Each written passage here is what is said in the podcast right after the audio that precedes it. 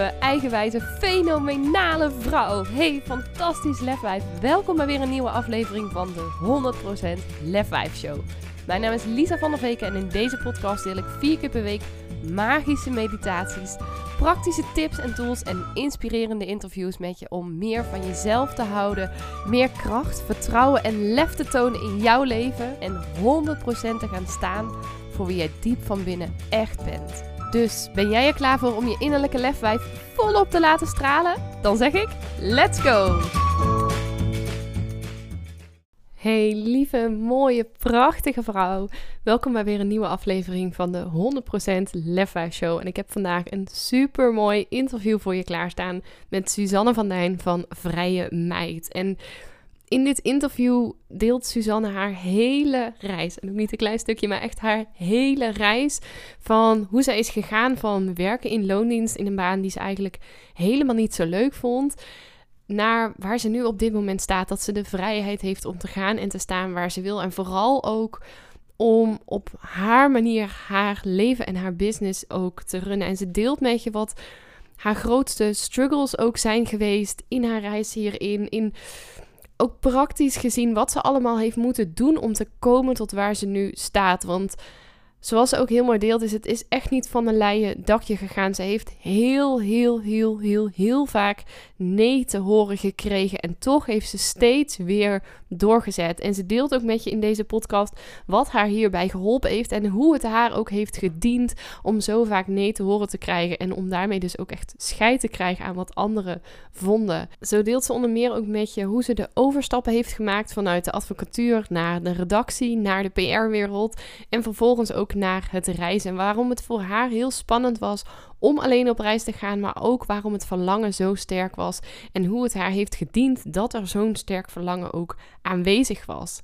En tot slot deelt ze ook met je wat de afgelopen jaren haar gebracht hebben in relatie ook tot het moederschap. Want Suzanne wordt bijna moeder op het moment dat deze podcast uitkomt. En eh, ze deelt ook haar kijk daarop met jou in deze podcast. Dus ik zou je zeggen, ga er lekker voor zitten. Pak een lekker kopje koffie of thee. En ga lekker genieten van dit interview met Suzanne van Duin. Suzanne, van harte welkom bij de 100% Lef Show. En uh, super tof dat je hier ook vandaag te gast wilde zijn. Ja, dankjewel. Het is leuk dat ik er mag zijn.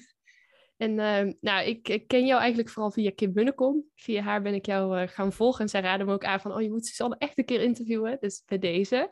Maar er zijn wellicht ook mensen die jou nog niet kennen of je boek nog niet gelezen hebben. Dus zou je jezelf en hen ook voor willen stellen? Ja, nou, ik ben vereerd inderdaad dat Kim mij heeft getipt. Want Kim is ook echt een voorbeeld voor mij. Um, ik ben zelf ja, hoe zou ik het zeggen? Ik ben bekend als vrije meid. en dat is, mijn, ja, dat is mijn merknaam eigenlijk inmiddels. Ik help ondernemers, vooral ondernemers eigenlijk, naar een vrijer leven. Um, door ook meer vrijheid te krijgen in het ondernemerschap, maar ook door het ondernemerschap. En doe ik op allerlei manieren. Ik heb inderdaad boeken geschreven, ik heb een blog, ik heb een podcast, ik geef cursussen, ik geef coaching. Ehm, dus ja, de middelen zijn gevarieerd, daar hou ik ook van. Maar eigenlijk is vrijheid waar elke keer echt het kernwoord. En dat betekent voor mij uh, ja, vrijheid op alle fronten. Dus financieel, maar ook inderdaad vanuit mijn hart.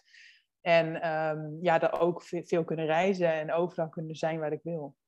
Ja, super mooi. En dat, dat vrijheid, dat spreekt mij en volgens mij heel veel andere vrouwen ook meteen aan. En zullen we het zo meteen uh, ook vast nog veel meer over hebben. Maar voor nu ben ik ook heel benieuwd wat jouw grootste lefdaad tot nu toe geweest is. Ja, dat, uh, inderdaad, dat is een goede vraag. um, ik denk misschien wel dat het begonnen is bij um, alleen op reis gaan.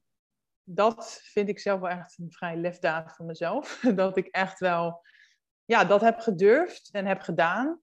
En dat heeft me ook zoveel gebracht. En uiteindelijk is dat denk ik ook het zaadje geweest van waar ik nu sta. Want op het moment dat je alleen op reis gaat, dan laat je even helemaal achter je wat er van je verwacht wordt en wie je bent en wat je doet. Maar dan, hè, dan ben je echt even helemaal op jezelf aangewezen en kom je jezelf ook tegen, lekker cliché. Um, maar dat is denk ik wel de basis van jezelf leren kennen en jezelf durven zijn en je eigen pad bewandelen.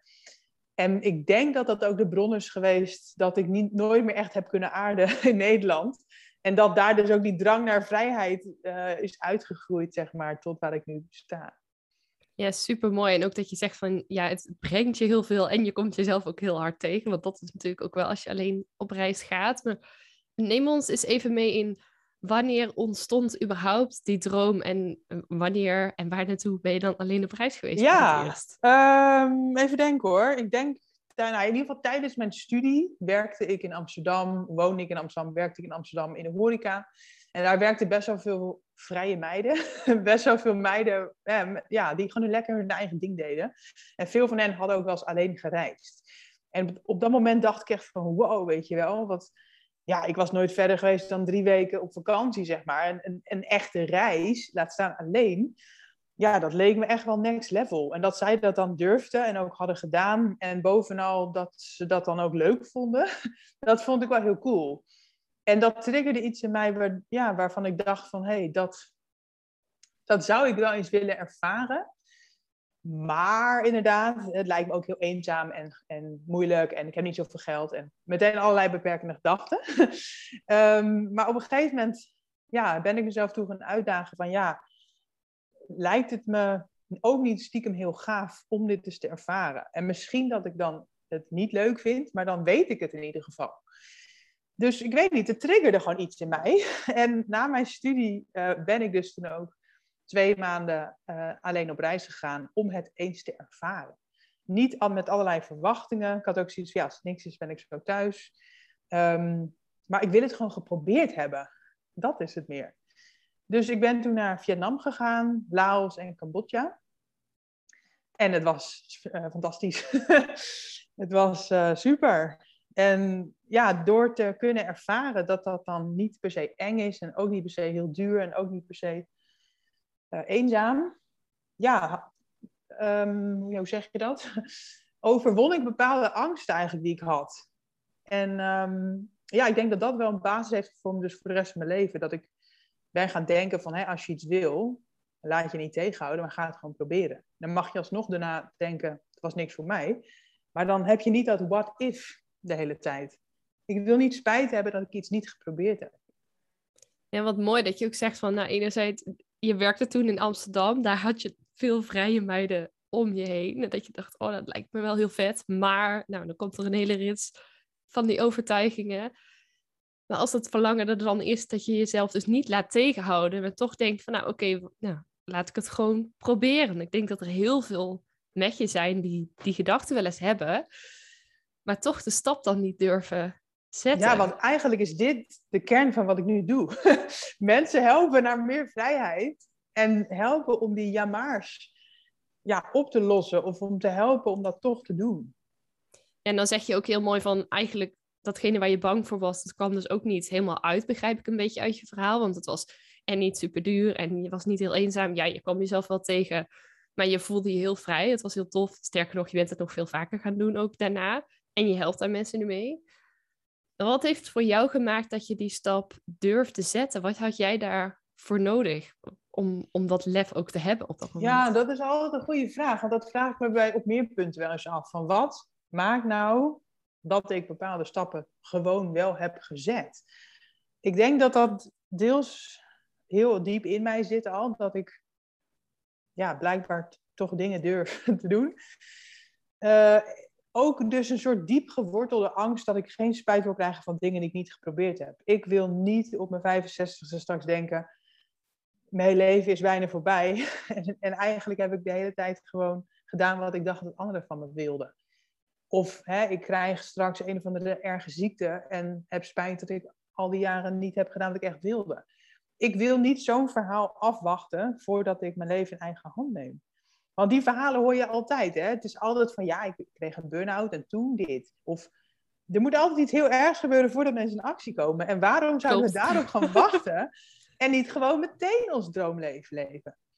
Dus ik, ik heb niet zo'n verhaal van, oh, ik, ik was helemaal burn-out of mijn, mijn moeder is dood. Of, ik heb dat niet. Ik heb niet zo'n verhaal. Maar toch zit dat heel erg in mijn hoofd van, ik wil niet wachten op zo'n verhaal.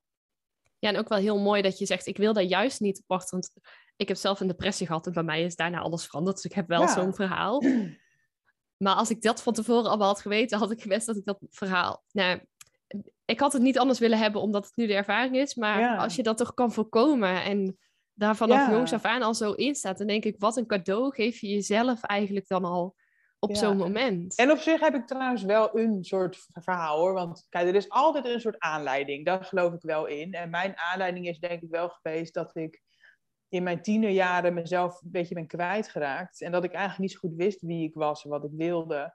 En mezelf niet was. Maar ik wist ook niet wie ik wel was. Maar, ehm, en dat ik het pad bewandelde waarvan ik dacht dat anderen dat wilden. Of dat, waarvan ik dacht dat dat goed was. Weet je wel, je gaat gewoon naar school en uh, je haalt netjes je VWO en je gaat studeren. En dat weet ik gewoon. Maar wat ik nou echt wilde en wie ik was, dat wist ik eigenlijk niet. En ik denk dat die zoektocht naar mezelf en op reis gaan, dat is natuurlijk wel een soort antwoord op die fase dat ik mezelf eigenlijk niet kende. En dat ik eigenlijk wel eens mijn eigen pad wilde gaan bewandelen. En dus wilde nadenken, wat wil ik nou eigenlijk? Wie ben ik nou eigenlijk? En ik denk dat dat juist super mooie vragen zijn. En zeker om jezelf op die leeftijd dan ook al te stellen. Want ik denk dat heel veel tieners zich hierin herkennen overigens. Dat ze zichzelf voor hun gevoel zijn kwijtgeraakt. Ja. Maar... Nou, en toen ik op reis ging, was ik inmiddels 23 al hoor. Dus dus ook niet dat ik zeg ja, maar, toch. Hè, tiener was. maar inderdaad, ja, beter op je 23ste dan uh, op je 33ste, denk ik. Ja, en ook wel gewoon dat ik denk, ook het beeld dat je zegt van ik wil niet later op mijn sterfbed liggen. Want, nou, je kent het boek waarschijnlijk ook wel, Five Regrets of the Dying of zoiets. Um, dat, dat is wel een van de grootste ehm, dingen waar mensen spijt van hebben. Dat ze niet het leven hebben geleefd wat ze eigenlijk graag hadden willen leven. en, en iedereen weet dit, hè? Iedereen weet dit, maar niemand doet het. Of zoveel mensen doen nog steeds ja, het riedeltje waarvan ze denken dat het goed is. En ik bedoel niet te zeggen dat iedereen op reis moet en moet gaan ondernemen, hè? want dat is wat voor mij werkt. Maar je mag ook in Lonisch blijven en lekker naar Centerparks gaan. Maar kies daar alsjeblieft bewust voor. Omdat je dat echt leuk vindt en niet omdat je bang bent om iets anders te doen. Ja, niet omdat het hoort, omdat andere mensen het van je verwachten. Maar kies voor wat jij leuk vindt, waar jij blij van wordt. Ja, exact. Maar dan heb je denk ik wel eerst ook die vragen te beantwoorden van wie ben ik nou eigenlijk? Wat wil ik nou eigenlijk? Wat vind ik nou eigenlijk leuk? Ja, nou ja en nee. Want ik denk dat het vaak ook mensen juist tegenhoudt. Ze willen dan eerst inderdaad helemaal uitgevogeld hebben wie ze dan zijn en wat ze dan willen. En dan gaan ze een keer zo'n reis maken. Maar zo'n reis gaat je juist helpen om te ontdekken wie je bent en wat je wil. En hetzelfde geldt met het ondernemen. Weet je, ik ben niet met een businessplan begonnen. Ik ben niet met deze visie begonnen. Ik ben gewoon begonnen. En gaandeweg ben ik hier gekomen. Maar als je probeert om het van tevoren al helemaal goed te hebben, dan ga je nooit beginnen. Ja, dus eigenlijk zeg je, juist ga het niet allemaal uitvogelen, maar ga eens experimenteren en ga ja. gaandeweg ontdekken wat je nou eigenlijk leuk vindt, wie je nou eigenlijk bent, waar je nou eigenlijk je, voor staat. Ja, je leert pas die dingen, je, je krijgt pas die antwoorden als je bezig bent. Maar dat vinden mensen spannend, want ze weten niet hè, wat ze aan het doen zijn. En dan hou ik altijd van die quote van, you don't have to see the whole staircase to take the first step. Daar geloof ik heel erg in, want dat is ook een beetje mijn verhaal. Ik heb best wel veel stapjes gezet en ik wist eigenlijk nooit waar ik uit zou komen. Maar doordat ik elke keer toch een stapje durfde te zetten, ben ik uiteindelijk hier. En als ik dit allemaal van tevoren had geweten, had het me ofwel overweldigd, of ik had nooit kunnen bedenken dat ik hier zou kunnen staan. En ik wist ook helemaal niet waar ik uiteindelijk wilde staan. Maar die stapjes hebben mij wel gebracht tot hier. En ja, nou, uiteindelijk is nog steeds wel... niet. Ja, dat is ook. Maar dat, ben je er ooit wel? Nee, maar dat is helemaal oké inderdaad. Want wat je nu wil, zegt niet dat je dat over vijf jaar nog wil. Je mag ook veranderen. Je mag ook andere wensen krijgen. Je mag ook je bedenken. En dat is niet falen, dat is ontwikkelen. En dat vind ik wel een hele mooie visie wat je zegt. Want ik denk dat heel veel mensen dat wel zien als falen. Als ik het nu niet al weet, alleen al op het werk vragen ze soms al wat wil je over vijf jaar. Ja, als je daar geen antwoord op hebt, dan, dan ben je, heb je een slechte sollicitatie of een, geen goed leerplan of wat dan ook. En dan heb je dus gefaald. Terwijl jij zegt van nee, dat is ontwikkelen, dat is groeien. Ja, je, ja, kijk, als je het wel weet, leuk hoor. Maar ik weet ook niet waar ik over vijf jaar wil staan. Want ik weet niet wat voor wens ik dan heb. en wat de situatie dan is. Ja, ik kan wel, kan wel iets roepen. Kijk, bovenal wil ik gewoon gelukkig blijven. Maar wat geluk dan voor mij betekent op dat moment wat vrijheid misschien op dat moment wel voor mij betekent. Of misschien is het helemaal niet, niet zoveel meer waard, TCT, dat weet je gewoon niet. Ja, en het is dus ook belangrijk om gewoon nu te kijken van wat zou je nu leuk vinden. En dan daar dus wel wat lef voor te hebben of die spannende actie te ondernemen om dat te gaan doen. Ja, ik denk dat het ook hier weer een soort balans is van... Tuurlijk, het is goed om doelen te hebben. Ik heb ook heel veel doelen. En ik ben ook altijd aan het streven naar meer. En tegelijkertijd ben ik heel blij met waar ik ben. En dat vind ik zo mooi bij Kim Munnekom. Die roept altijd, uh, happy with where I am, eager for more. for more. Dat is exact waar ik me nu in begeef. Ik ben super, super blij met waar ik nu ben. En ik heb eigenlijk niks te wensen. En toch ben ik eager for more. Want ik weet dat dit eigenlijk pas het begin was. En dat er nog veel meer ja, te halen valt. Want als je zegt, ik heb wel een hoop doelen, wat is dan bijvoorbeeld een doel, gewoon even uit nieuwsgierigheid hoor, waar je naartoe zou willen gaan het komend jaar? Laten we het niet over vijf of tien jaar houden. uh, nou ja, ik heb altijd financiële doelen om ook gewoon koers te houden. Maar ja, voor mij is dit jaar gewoon een superbelangrijk doel dat ik moeder word. en dat ik dat, uh, dat ik mezelf daarin de tijd en rust ga gunnen om, ja, om daaraan te wennen. Omdat ja, om daar niet uh, allerlei dingen van mezelf te, te, verwachten. Dus dat ik niet denk dat ik over drie weken na de bevalling weer de oude ben. En dat ik weer helemaal fit ben. En dat ik uh, hè, niet verander. Of dat ik, uh, ja, ik weet niet wat het me gaat brengen. Maar ik wil gewoon mezelf de tijd gunnen om daar rustig in te groeien. En om, ja, die balans Hoe mooi is dat?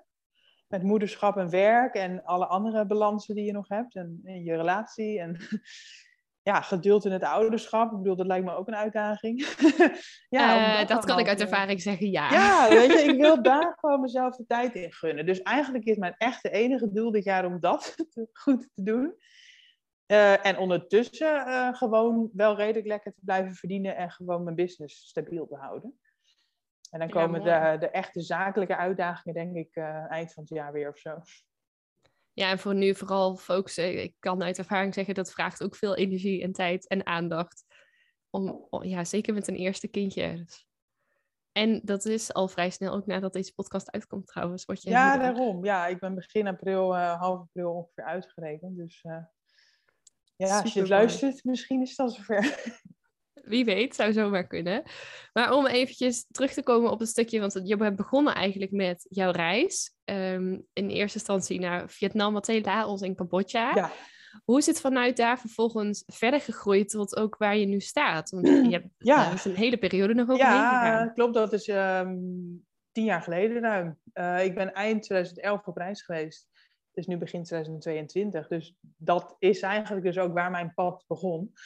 Uh, daarom is het ook echt mijn lefdaad, denk ik. Ik ben teruggekomen uit uh, Vietnam en toen dacht ik eigenlijk nog dat ik gewoon op ging pakken waar ik gebleven was. Dus ik ging solliciteren naar een baan als advocaat. en um, ja, dat viel tegen. Was ook wel echt een lastige tijd trouwens hoor. 2011. maar ja, ik werd aangenomen als jurist op een ander soort kantoor, op een ander soort functie dan ik eigenlijk wilde. Maar goed, dan zegt iedereen, hè, je moet echt ben blij. en eerst wat paar jaartjes werkervaring opdoen. Maar ja, ik had zoiets van een paar jaartjes je leven, ja, niet blij zijn is te lang, vind ik. Ik vind, ja, misschien ben ik zo'n millennial hoor, maar ik had eigenlijk na een paar maanden al zoiets van, ik wil door. ik, uh, ik solliciteerde gewoon door naar die uh, functie die ik wel dacht te willen. Maar ja, dat, dat zette geen zoden aan de dijk. En ik heb denk ik in die in anderhalf jaar tijd dat ik daar werkte, heb ik echt serieus tientallen, misschien wel bijna honderd sollicitaties verstuurd. En nergens Holy crap. aangenomen. Het was echt een kuttijd. Um, dus als mensen ook wel zeggen van, hè, bij jou, jij hebt alles of bij jou komt alles aanwaaien, nou echt niet. Ik ben super erg gewend aan nee. Ik heb uh, heel lang niet gekregen wat ik dacht te willen. um, maar dat zette mij toen wel aan het denken van, ja, wat wat kan ik anders doen? Want dat was wel een periode waarin ik echt wel, ja, nou ja, ik denk wel depressievere gedachten kreeg van, wat, ja, wat nu? Wat, ik voel me niet happy, maar ik heb geen idee wat ik dan nog moet doen of proberen. Ik, eh, toen heb ik ook met een sollicitatiecoach gesproken. Het was de eerste keer dat ik ooit een coach sprak. En ik dacht echt van, oeh, spannend. Maar uh, ja, ik heb niks meer te verliezen. En die zei toen tegen mij: vind een manier om toch door te gaan. Um, en inderdaad pogingen te blijven doen, maar wel dat je het volhoudt. Toen ben ik inderdaad mensen gaan interviewen. die ehm, wel de baan hadden die ik wilde, of die in ieder geval een leuke baan leken te hebben. En daar leerde ik van. En ondertussen deed ik schrijfervaring op. En ehm, ja, bleef ik werken waar ik werkte. Maar kreeg ik ook tips natuurlijk hoe zij dat hadden gedaan. En uiteindelijk, ja, ik had ondertussen ook al een blog. Schrijven vond ik altijd leuk. En op een gegeven moment zag ik een vacature voorbij komen met een, voor een redacteur bij een modevakblad. En toen dacht ik... Iets totaal anders. Ja, en tegelijkertijd was dat echt wel ook een meisjesdroom voor mij. Want toen ik stage liep bij een advocatenkantoor, is mij wel eens gevraagd... wat zou je het echt het liefste willen? En toen zei ik, hoofdredacteur zijn van L. En toen zei, nou. mijn, en toen zei mijn toenmalige uh, leidinggevende van, nou, ga dat dan doen. Niet dat ik toen hoofdredacteur kon worden, maar wel dat ik dacht van ja, dat kan ook of zo. Hè? Ik kan ook iets anders gaan doen. Toen heb ik gewoon gesolliciteerd. En ik denk dat hier ook een les in zit voor heel veel vrouwen, ja, misschien ook mannen. Heel veel mensen zouden dat nooit doen. En dit is ook een lefdaad, vind ik zelf. Dat ik, Zeker. Dat ik gewoon heb gesolliciteerd. En ik, ja, tegelijkertijd vind ik het geen lefdaad, want wat heb je te verliezen? Echt helemaal niks. Want ja, ook nee, uit dat je nee, een nee. Ja, maar die nee had ik al 80 keer gehoord. Dus ja, die had je 100 keer gehad, dus ja, dan maakt dat het doet me echt geen reet meer. Dus ik dacht, ik solliciteer gewoon. En ik mocht op gesprek komen. Wauw. En zij zeiden juist over mij, nou jij bent echt het schaap met vijf poten wat we niet dachten te vinden. Omdat dus ik, je was uniek. Ja, ik was uniek. Ik was niet een standaard modejournalist. Um, maar ik had wel ervaring met bloggen en social media en interviewen. En toch ook een zakelijke uh, kant natuurlijk van het jurist uh, bestaan. En uh, ja, een, een papiertje hè, waarop, waaruit bleek, bleek dat ik dan zogenaamd ook niet dom was. Die dus, er wel hersenen in zaten. Ja, dus ik mocht beginnen. En um, nou, in, in eerste instantie leek dat echt gewoon mijn droombaan. Ik dacht echt, jeetje, ik ben nu dus redacteur. Hè? Dat is gewoon waar ik als meisje van droomde. Stiekem ook. Um, maar tegelijkertijd, na eigenlijk een paar maanden of zo, voelde ik me toch ook alweer gevangen. En dat is een beetje wat die reis in mij heeft getriggerd. Dat je, ja, dat smaakte naar meer. Ik wilde eigenlijk nog wel meer reizen maken. Maar ja, in loondienst heb je 24 vakantiedagen. En zit je daar dan um, vast? Ja, dus ja, ook al had ik inhoudelijk best wel leuk werk. Ja, ik zat gewoon wel elke dag op kantoor. Um, dat was het leven. En ik was toen 25 of zo. En ik had echt zoiets van, ja, voordat ik die hoofdredacteur bij de L ben, moet ik dit waarschijnlijk wel een jaartje of tien doen. Ga, ja, is dit nu de komende tien jaar wat het is, weet je wel? En dat frustreerde me ook wel. Um, ik ben toen um, een half jaar naar Australië gegaan. ik dacht, weet je, fuck it. Ik zeg deze baan toch Dan op. ook meteen goed ertussenuit. Ja, ja ja, ik wilde, ik weet niet, ik had echt een soort drive, drive of ja, urge om, om een, echt een paar maanden weg te gaan. Uiteindelijk zijn het vijf maanden geworden. Heb ik in Australië een camper gekocht met twee vriendinnen. Ben ik gaan rondreizen, ook nog een stukje alleen. En um, een stukje met mijn vriend ook, want ik had toen wel al gewoon een relatie. Dus dat was en dan ook toch ertussenuit? Ja, was ook iets waar iedereen natuurlijk wat van vond. Um, dus dat is ook een soort lefdaad. um, je hebt er een aardig wat al eh, bij elkaar verzameld. Ja, en nou ja, uiteindelijk kwam ik terug. Dat is begin 2015. En toen dacht ik inderdaad, oké, okay, en nu hè? Want ja, je hebt nu twee banen gehad, je hebt twee reizen gemaakt. Um, nu is het tijd hè, om serieus te worden. dat dacht ik dat ik dat moest ook. Nu moet ik wel echt een baan zoeken die ik dan ook echt even wat langer hou. En, en even gewoon normaal doen, hè? Dus uh, toen Even dacht gewoon ik, normaal ja, doen. dus ik dacht, ja, ik moet nu wel echt iets kiezen wat ik volgehouden, want anders dan moet ik, hè, dan ben ik straks weer terug bij af. Dus ik dacht, ja, wat wil ik dan? Nou, en ik, ik wist ook dat ik niet per se fulltime weer uh, redactie wilde doen, want ja, ik had ervaren dat dat dus toch ook niet helemaal het was. Um, en uiteindelijk kwam ik uit op PR, um, waar je ook heel veel moet schrijven, maar waar, waar je ook iets commerciëler bent en waar je ook nou ja, verschillende dingen doet voor verschillende klanten. Dus dat leek me dan leuker. Dus ik solliciteerde bij een PR-bureau en ik werd aangenomen. Um, maar uh, al sneller dan de eerste twee keer was ik na een paar maanden eigenlijk al helemaal klaar ermee. en dacht ik echt, ja jezus, dit, dit kan niet waar zijn eigenlijk dat ik weer, um, weer dit niet wil of zo. Wat, wat is het nou toch met mij? Ik voelde alleen maar, ja, ik voelde alleen maar die leuk. drang om te reizen. Ik voelde me opgesloten. Ik wilde elke vrijdag die had, wilde ik wat leuks doen. En dat was ook vrij vermoeiend natuurlijk. Dus ik wist het gewoon niet zo goed. En op een gegeven moment ja, viel een beetje het kwartje of zo. Dat ik, ehm, ik las iets over digital nomads. Mensen die overal kunnen werken dankzij online werk. En die veel kunnen reizen. En toen dacht ik echt, ja, dit is, dit is wat ik wil doen. Tegelijkertijd dacht ik ook meteen van, ja, maar ja, ik ben nog geen ondernemer, zeg maar. Ik freelancete wel af en toe wat naast mijn baan, maar dat was echt sporadisch. En ja, ik zag ook wel allerlei belemmeringen.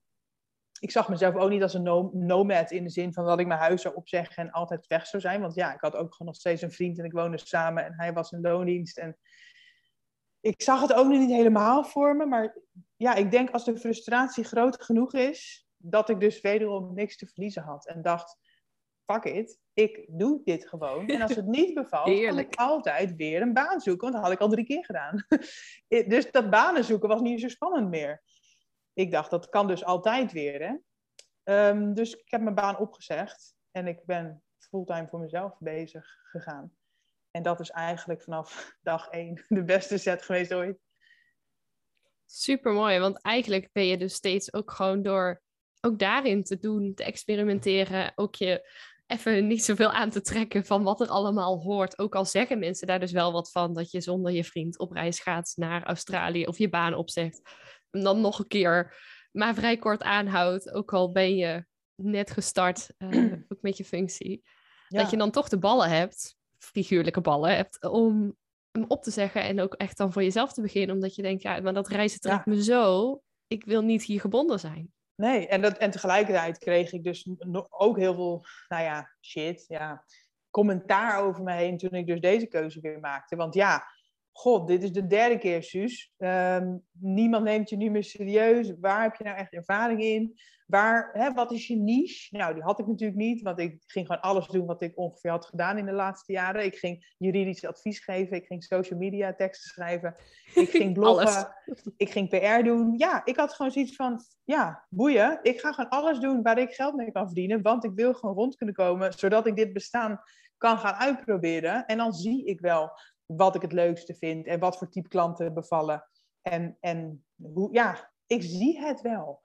En ik had al een paar, binnen een paar maanden had ik eigenlijk hetzelfde salaris als ik in loondienst verdiende. Dus, en ondertussen reisde ik lekker. Dus ja, ik eh, vermaakte me wel hoor. Iedereen vond er wat van, maar uiteindelijk was ik blij.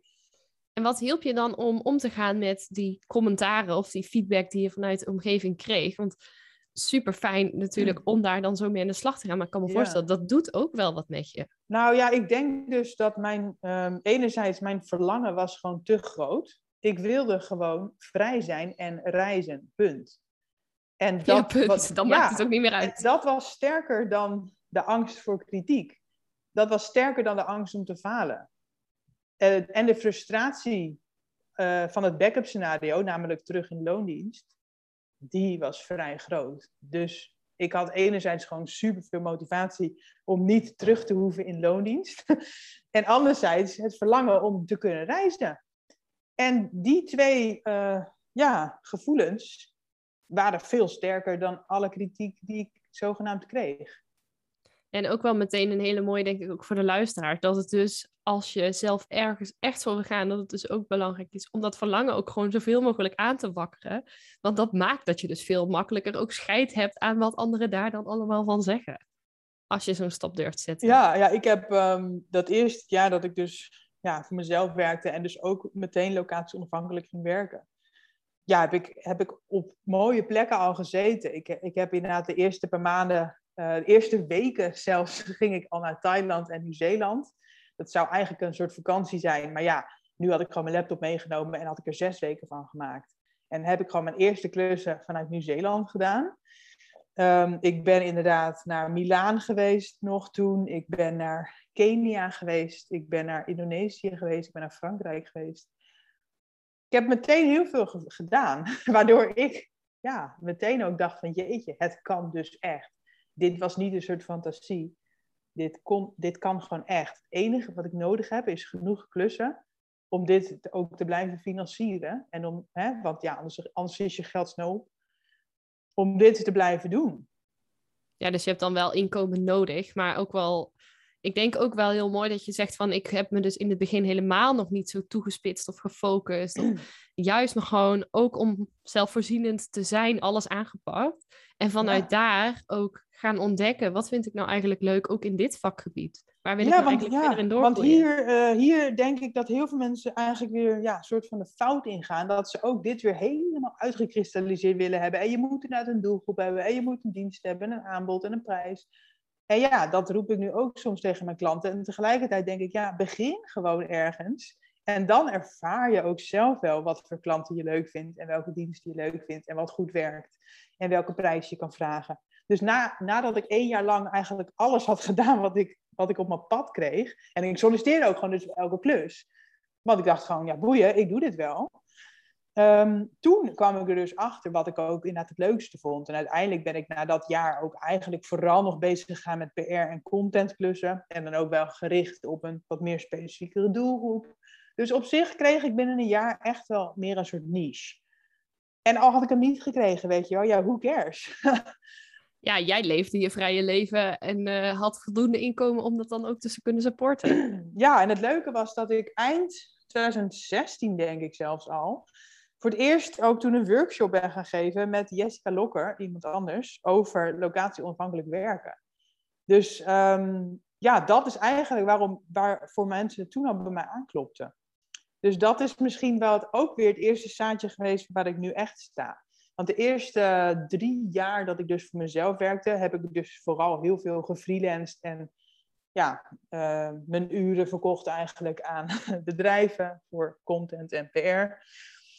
Um, maar mijn hart lag eigenlijk altijd bij die vrijheid. Ik zag echt mijn werk als een middel om te kunnen doen wat ik wilde, om vrij te zijn, om geld te verdienen en om overal te kunnen werken en te reizen. Maar ik, ik had nooit eigenlijk echt een passie voor bijvoorbeeld. Dat wordt hoe je het uitspreekt ook. Ja, ja. een passie. Het was, het was meer een, een, een, uh, ja, een middel om te doen wat ik wilde. En um, uiteindelijk, nou ja, in 2019 ongeveer, toen viel het kwartje van hé, hey, ik wil inhoudelijk ook echt meer gaan doen met dat stuk vrijheid en met mensen helpen en met locatie onafhankelijk gaan werken. En, en waar ik ook vaak vragen over kreeg, was hoe vind je nou zoveel klanten? Want ik heb altijd genoeg werk gehad. Um, en blijkbaar was dat ook iets wat mij goed afging. En waar anderen weer bij mij kwamen voor tips. Ja, en je hebt natuurlijk ook wel, omdat je zo vaak gesolliciteerd ook had in die advocatuur destijds, was dat waarschijnlijk ook geen issue meer. En ik kan me voorstellen dat voor heel veel mensen om zoveel dingen eruit te sturen, ook best wel een belemmering op zit. Nou, en dat is PR in het kwadraat gewoon. Want PR is heel veel mailen naar journalisten. Hoor je ook, 9 van de 10 keer krijg je ook een nee of niet eens een reactie. Dus mijn hele afgelopen vijf jaar, zeg maar, van, 2000, uh, eh, van mijn afstuderen tot ongeveer, wat is het, 2019, bestonden uit nee, nee, nee, nee, nee, nee, nee en af en toe een ja. Dus met, ik heb echt geen angst meer voor inderdaad een afwijzing. Ik heb echt een houding, oké, ja, nee heb je, ja kun je krijgen. Dus ja, een soort scheid, een soort van doe lekker je ding. En dat, heeft mij denk ik heel erg geholpen bij het krijgen van klanten. Want ik solliciteerde dus ook gewoon op alles wat me leuk leek. Ook al vinkte ik niet alle boxjes. En heel nee, maar dat maakt wel... Dat heeft wel ervoor gezorgd dat je uiteindelijk ook zo ver gekomen bent. Want ik denk dat heel veel mensen... Uh, en inmiddels heb ik daar zelf wat minder moeite mee. Maar dat vroeger ook, weet je, dan, dan krijg je drie afwijzingen en dan stop je. Want ik ben niet goed genoeg. Of want zie je wel, dat lukt me niet. Of want zie je wel, ze willen me niet hebben. Maar jij hmm. bent gewoon doorgegaan en doorgegaan en doorgegaan en doorgegaan. Ja, en dat, en dat gebeurt nu nog steeds. Want uh, weet je, ik promote ook wel eens iets op Instagram voor uh, een van mijn diensten of zo. En ja, dan zijn er in theorie natuurlijk 9199 mensen die het niet, niet kopen. Maar ik focus me liever op die 10 of 20 die ja zeggen. Ja, en dat is dan dus ook, ja, weet je, we kennen allemaal het spreekwoord waar je aandacht geeft groeit. En nee heb je ja kun je krijgen, maar jij brengt het gewoon echt, echt, echt letterlijk in de praktijk. En hoe ja, mooi is dat? En ik denk dat het goed is om jezelf af te vragen, als je dat dus niet doet, van waar ben je nou echt bang voor? Ja, dan krijg je dus een nee. Maar ja, en dan? boeien. Wat is er nou zo erg, hè? Ja, heel veel mensen zakken door de grond als ze een nee krijgen. Ja, maar waarom? Wat, wat, wat Ja. is er nou zo erg aan die nee? Het is hoogstens een leermoment dat je of niet je ideale klant pakken had, of dat je je aanbod niet goed weet te promoten, of dat je ergens aan mag gaan werken. Het is een, ja, ik probeer het echt te zien als leermoment. Ik, ik krijg ook vaak de vraag van, hé, wat is je grootste fout of zo geweest? Maar ik, ik zie dus niet zo goed wat mijn fouten zijn, omdat ik, denk ik, vooral kijk naar wat ik ervan leer. En ik denk dat het meteen ook voor de luisteraars wel een hele mooie vraag is. wat, waar ben je nou echt bang voor als je die nee zou krijgen? Wat is er nou echt zo erg aan? En wat Ja. als je het zou zien als leermoment in plaats van als falen? Ja, en, ik, en vaak is het natuurlijk gewoon hè, de angst om niet goed genoeg te zijn, want dat hebben we allemaal als mens in ons. En die komt eigenlijk gewoon altijd weer overal terug. maar als je op een gegeven moment dat weet, dan kan je dat soort van, van een afstandje bekijken en denken, ja, dit is een soort van monstertje op mijn schouder, die ik gewoon lekker eraf duw en gewoon doorga. Ja, en ook ben je inderdaad dan niet goed genoeg als jij afgewezen wordt. Want misschien waren zij wel gewoon naar iemand anders op zoek. En dat wil niks zeggen over jou en wie jij bent. Dat ook, ja, exact. Hey, en nou ben je dus, zeg je, sinds 2019 ook met het stuk van vrije meid. Dus veel meer aan de slag gegaan. Hoe is dat dan geëvalueerd ook tot waar je nu staat? En wat brengt het je ook nu je dadelijk dus een kindje ook op Ja. deze wereld mag zetten? Ja, nou, dat is dan twee eh, aparte vragen eigenlijk. Ehm, Ja, ja, in klopt. 2019 is eigenlijk voor mij een transitiejaar geweest waarin ik dus af ben gestapt van die freelance diensten en, en u- ja, uurtje factuurtje, zeg maar, naar mijn eigen producten en diensten maken rondom vrijheid. Dus ik ben inderdaad e-books maken over, nou ja, locatie onafhankelijk werken, maar ook over klanten vinden. Eigenlijk de dingen waar ik dus blijkbaar goed in bleek te zijn. Ehm, ik heb een eh, cursus gemaakt ook over PR met mijn compagnon. Ik heb eh, meer blogs geschreven rondom die thema's en dan ook met affiliate linkjes weer. Eigenlijk van alles gedaan, maar dat sloeg niet meteen aan. Dat moet ik er altijd even bij zeggen. Maar goed, ook hier heb ik toen niet opgegeven en gedacht van oké, ik gooi de handdoek in de ring en ik ga weer terug naar die freelance klussen. Nee, ik wilde dat het ging lukken. Dus begin 2020 heb ik toen echt wel ja, een soort van laatste echte poging gedaan. Ik wilde er gewoon alles aan gedaan hebben om dat wel te laten slagen. Heb ik inderdaad eh, nou ja, mijn rubriek gestart op mijn blog van Zij verdient een ton. Waarin ik ondernemers ging interviewen die nou ja, een ton verdienden of meer. Of nou ja, in ieder geval succesvol waren in wat zij deden. Dus ik daarvan kon leren. Ik ben ehm, boeken gaan lezen, heel veel over ondernemen en over marketing en over mindset. Ik heb een coach genomen, eigenlijk allerlei ja, dingen gedaan om echt wel te leren van anderen. Ik was altijd vrij eigenwijs, zoals je misschien wel merkt. Maar toen Kan dacht ik ook echt, heel helpend zijn, maar Toen dacht ik, dit gaat me niet verder brengen, want ik kom er blijkbaar toch niet alleen. Ik heb hulp gezocht en dat is uiteindelijk, ehm, nou ja, moet ik er, dan moet ik erbij zeggen, ondertussen heb ik ook een boek uitgebracht over locatie onafhankelijk werken. Ik heb een TED-talk gegeven, dus dat heeft ook wel bijgedragen. Maar in 2020 is dus wel ja, het jaar geweest waarin ik ehm, uiteindelijk wel kon gaan leven van dus die eigen producten en diensten rondom vrijheid. En waar ik echt mijn freelance klussen gedag heb gezegd.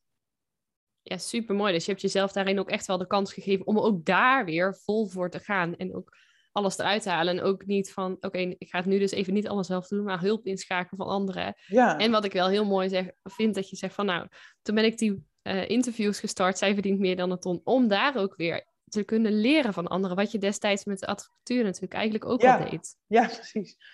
Ja, en dat tien jaar later, ja.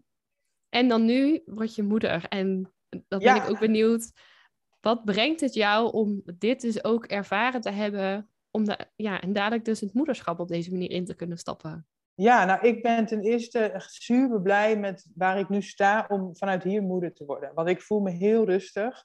Want ja, ik heb, ik heb al heel veel bereikt wat ik wilde. En ik heb ook de tijd en de financiën om ook dus gewoon ertussenuit te gaan. En om de mezelf die rust te gunnen om dus aan die transitie te wennen.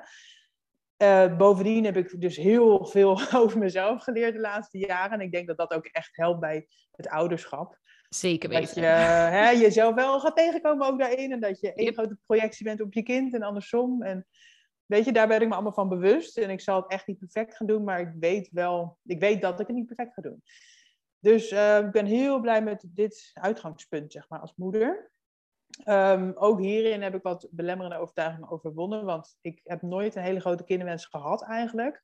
Ik denk ook dat dat deels voortkwam, nou ja, ten eerste uit de drang om te reizen, maar ook wel angst ook weer. Dat inderdaad, dat ik dan niet meer zou kunnen reizen, of dat ik inderdaad mezelf kwijt zou raken, of dat ik mijn relatie zou verpesten. Dus daarin ja, heb ik op een gegeven moment ook wel wat ja, geleerd van, ja, is dat nou echt zo? Of zijn dat vooral je angsten?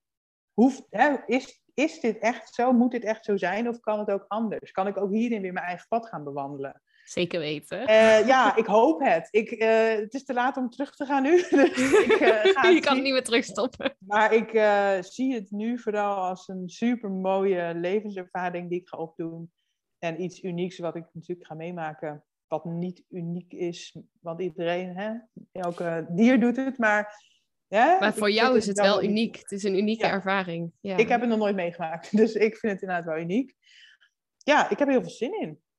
Wat mooi. En ik, ik denk ook dat wat je zegt van je hebt al zoveel ook eigenlijk voorkomen wat je zei, dat verhaal van de burn-out, om daar niet in te raken, waardoor je al zoveel geleerd hebt ook over jezelf en over het leven en ook met de vrijheid die je nu voor jezelf gecreëerd hebt. Ik denk, wat een mooie basis. Die zou ik iedere moeder en daarmee ook ieder kind gunnen op het moment dat je het ouderschap ook instapt. Ja, ik, ik, um, ik bedoel, het kan altijd beter, maar ik denk inderdaad wel dat ik mezelf echt goed ken, goed weet wat ik wil en wie ik wil zijn. Uh, en mijn zwakke plekken ken ook. ja, dat dat wel heel erg helpt, ja. Weet je, het lijkt mij super stressvol om moeder te worden terwijl je een baan hebt die je niet leuk vindt. Terwijl je nog allemaal dromen hebt die je nooit hebt durven uh, beleven. Ja, waarvan je ook niet weet of je ze nog gaat maken. Ja, ik weet niet. Ik, ik ben nu heel blij met, met het uitgangspunt waar ik nu ben. Ja, super mooi. Hey, ik zit te kijken naar de tijd. We zitten echt al gewoon ook een heerlijke tijd te kletsen. Zijn er dingen waarvan je zegt van die hebben we nog niet besproken? Want je hebt ons helemaal meegenomen in je reis met alle lessen die je ook zelf daaruit hebt gehaald. En ik hoop dat de luisteraars die natuurlijk ook hier uit dit verhaal hebben weten te halen. Zijn er dingen die we nog niet hebben besproken die je wel mee zou willen geven ook? Ja, ik denk, um, je zei net van hè, uh, nooit een burn-out. Ik heb ook nooit een burn-out gehad, maar ik heb ook wel moeilijke fases gehad in het ondernemerschap ook weer. En ook trouwens door te reizen. Dat ik wel even weer een hobbel had. Maar waardoor je jezelf uiteindelijk wel beter leert kennen. Waardoor je sneller die burn-out kan voorkomen, zeg maar. Dus ik heb bijvoorbeeld in, het eerste, in de eerste paar jaar dat ik ondernemer was, reisde ik zoveel dat ik ook wel eens dus daar echt ja, een soort reismoe van werd. En dat is lastig voor te stellen misschien voor mensen die niet zoveel reizen, maar reizen is ook heel vermoeiend. En als je dan ook nog ondertussen je werk moet doen, ben je altijd twee rollen aan het spelen. Weet je, je bent nooit 100% aan het genieten en ook nooit 100% aan het ondernemen. Maar je bent altijd aan het schipperen. En ondertussen had ik ook nog een relatie in Nederland en huis. En dus op een gegeven moment zocht ik daar ook echt wel een balans in hoor. En dat is ook gewoon weer zoeken geweest. En ook met mijn vriend, weet je wel. Ik moest hem, nou ja, moest, ik liet hem natuurlijk vaak achter. je hebt ehm, al die jaren dat je hebt rondgereisd een vriend gehad ook. Ja, nog steeds dezelfde ook. Dezelfde ook. Dus dat is ook echt wel een zoektocht geweest. Voor ons beiden natuurlijk ook. Van ja, ik wilde gewoon heel graag reizen. En hij wilde niet zijn banen opzeggen.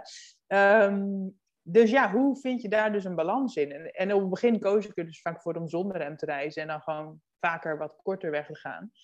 En op een gegeven moment um, vermoeide dus mij dat ook, dat vele reizen. Maar vond ik het ook minder waard worden om zonder hem weg te gaan. Want in een ideaal scenario ga ik natuurlijk liever met hem.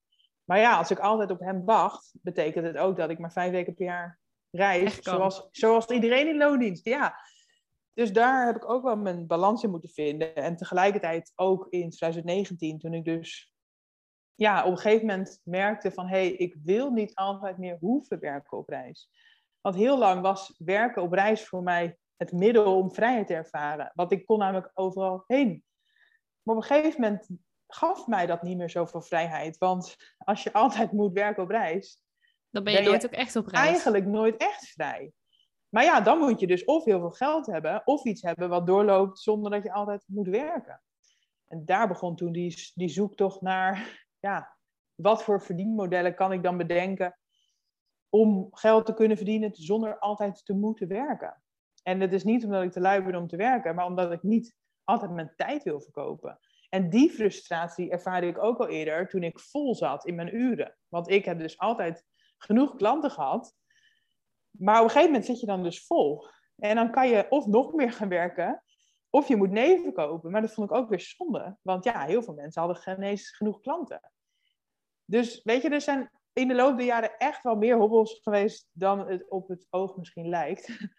En elke keer heb je toch weer nieuwe uitdagingen. En nu, nu heb ik een soort luxe positie en heb ik ook weer nieuwe uitdagingen, weet je wel. Ja, elk level heeft weer nieuwe struggles. Ja, en daarbij is het dus ook, en ik denk wel heel mooi ook als toevoeging ook, het is niet zo dat omdat jij nu dat leven leeft en je het voor jezelf gecreëerd hebt, dat dat betekent dat er geen hobbels meer op de weg zijn. Bij iedere ondernemer, of je nou weinig verdient of veel verdient, of iedereen in loondienst, of je nou minder of meer vrijheid hebt, er zijn en blijven hobbels. Alleen het is wel de kunst, hoe ga je er uiteindelijk mee om? Ja, precies. Ik heb ook uh, tijdens de lockdown uh, vorig jaar, begin vorig jaar, heb ik ook echt wel doorheen gezeten weer. Ik voelde me echt gewoon weer helemaal gevangen en echt weer helemaal, zoals iedereen denk ik, maar echt machteloos heb ik ook weer echt wel weer mezelf moeten oppeppen van... Ja, wat is vrijheid nou nog voor mij? Voel, ja, is dit dan het leven nu, weet je wel? Kan ik hier iets mee of moet ik juist het laten gaan? Ehm, ja, moet ik vechten of berusten, weet je wel? Wat, wat kan ik doen? Ja, en dat, zeker, dat was natuurlijk een extreme periode. Zeker als je natuurlijk houdt van het vrije kunnen reizen en zo. Waarin je dat gewoon letterlijk niet meer mocht. Nee, daarom. Dus ja, dat, uh, dat vond ik ook lastig inderdaad. Dat is dan een soort van luxe probleem. Maar ja, tegelijkertijd, ja, dat is wel echt redelijk diep mijn kern. Uh, het gaat niet zozeer altijd dat ik op reis moet zijn. Het gaat dat meer de mogelijkheid er is. Precies, die mogelijkheid. En als die mogelijkheid mij wordt ontnomen, voel ik mij inderdaad niet meer vrij. en uh, nou ja, dat is ook wel een van de redenen geweest waarin ik, waarom ik toen ben gaan focussen ook op meer geld verdienen dat ik dacht, nou ja, als we weer kunnen, dan wil ik ook echt weer kunnen reizen. En dan ook niet altijd hoeven werken. Nou ja, en, nou ja, dat is ook hoe het uiteindelijk dan het verhaal eindigt nu. Van ik heb uiteindelijk dus wel die verdienmodellen gevonden rondom vrijheid, waarmee ik niet altijd hoef te werken. En dat is voor mij dan nu echt de vrijheid. Het gaat er niet om van, oh, ik wilde een ton verdienen. Nee, ik wilde genoeg kunnen verdienen zodat ik niet altijd overal hoef te werken. En zodat ik ook geen nee hoef te verkopen. Ja, ik vind het vooral heel inspirerend dat je eigenlijk steeds ook weer die nieuwe energie vindt in jezelf. Om te kijken, oké, maar wat is er wel mogelijk? Wat kan ik wel doen? En focus op, oké, wat kan ik ergens van leren? Die, die mindset zit er bij jou wel heel sterk in. En ik denk dat dat je ook gewoon super ver gebracht heeft, als ik het zo hoor. Ja, ik denk dat het vooral ook is dat ik me snel ga vervelen. het is namelijk niet altijd dat ik denk van, oh, ehm, inderdaad, ik moet groeien, want ik moet leren of zo. Het is ook meer dat ik gewoon, net als nu, weet je, ik heb het eigenlijk gewoon prima voor elkaar. En ik ben nu alweer aan het denken, wat kan ik na mijn verlof misschien gaan verzinnen? Dat is meer gewoon de behoefte aan, aan ja, nieuwe dingen doen. En, en ik verveel me dus heel snel als dit gewoon nu is wat het is.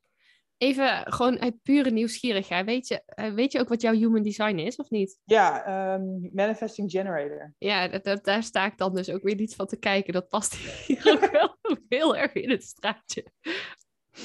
Ook eh, het steeds ook weer nieuwe dingen willen creëren. En ook de energie om daar weer nieuwe bewegingen in te zetten. Dus ja, mijn uitdaging is vaak meer dat ik minder nieuwe dingen doe. En dat ik meer voortbeduren wat er is. En dat ik meer rust mag pakken en meer mag loslaten. En daar heb ik ook echt wel afgelopen jaren aan gewerkt hoor. Met mijn coach, maar ook inderdaad door persoonlijke ontwikkeling.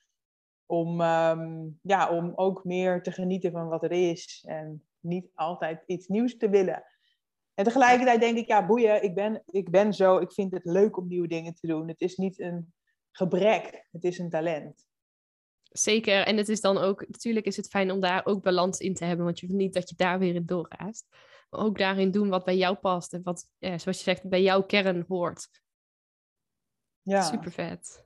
Ja. Suzanne, ik denk dat we hem langzaam af gaan ronden, als dat voor jou oké is, tenminste. Um, ja, heb je nog een laatste uitsmijter? Uh, nou ja, Kijk, ja, ik, ik, ehm, ik zou zeggen, als je meer wil weten, inderdaad, je weet me te vinden. Ik heb inderdaad vrijmeid.nl, vrijmeid podcast.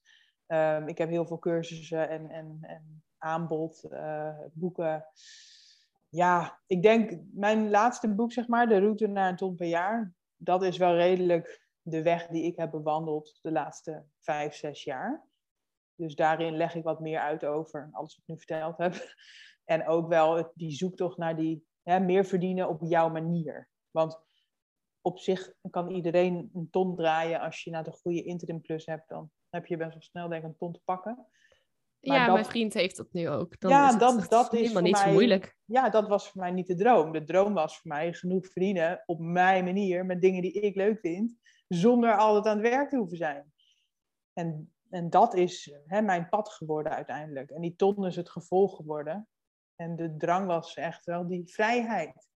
Ook daarbij weer het verlangen volgen wat je eigenlijk echt altijd moet doen op jouw manier. Ja. En ook een heel inspirerend boek. Ja, precies. Ja. En ook gewoon een heel inspirerend boek ook om te lezen. Nou, dank.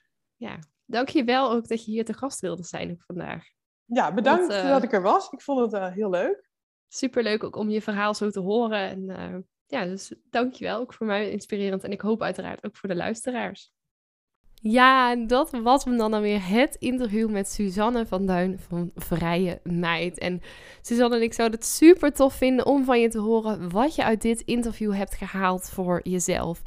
Deel de podcast in je stories en zet er jouw grootste inspiratie of les bij en tag ons dan even op Instagram. Of stuur ons even een berichtje op Instagram. En mocht je deze podcast nou op Spotify luisteren, zou je dan eventjes twee seconden de tijd willen nemen. Nou, vooruit misschien duurt het tien, maar tien seconden de tijd willen nemen om deze podcast ook te ranken. Dat maakt dat deze podcast ook weer beter gevonden kan worden door anderen. En ook veel meer andere mensen hier waardevolle informatie en inspiratie uit kunnen halen. Voor nu wens ik je in ieder geval nog een hele fijne en mooie dag. En nog heel graag tot morgen bij weer een nieuwe podcast. Ja, dat was hem dan alweer. En ik ben echt razend benieuwd wat je uit deze aflevering hebt gehaald voor jezelf. En ik zou het dan ook super tof vinden als je even twee minuutjes van je tijd op zou willen offeren om een review achter te laten. Ga even naar iTunes, scroll helemaal beneden en laat daar je review achter. Dat zou ik echt enorm, enorm waarderen. Mocht je nou nog vragen hebben of denken van nou, ik wil hier heel graag mee aan de slag, maar ik heb geen idee hoe ik dit het beste kunt doen. Of wil je gewoon even delen wat je uit de podcast hebt gehaald? Stuur me even een berichtje of deel hem in je stories en tag me op Instagram. Je kunt me vinden via Lisa van der Veken. En ja, ik wil je natuurlijk ook echt van harte, van harte, van harte, van harte aanmoedigen om ook echt in actie te komen naar aanleiding van deze podcast. Want ja, luisteren is natuurlijk super inspirerend, maar je leven zal ook pas echt gaan veranderen op het moment dat jij stappen gaat zetten en in actie gaat komen. Dus hup, geef jezelf die schop onder de kont, doe wat jij nu nodig hebt en dan wens ik je een hele fijne dag en tot de volgende podcast.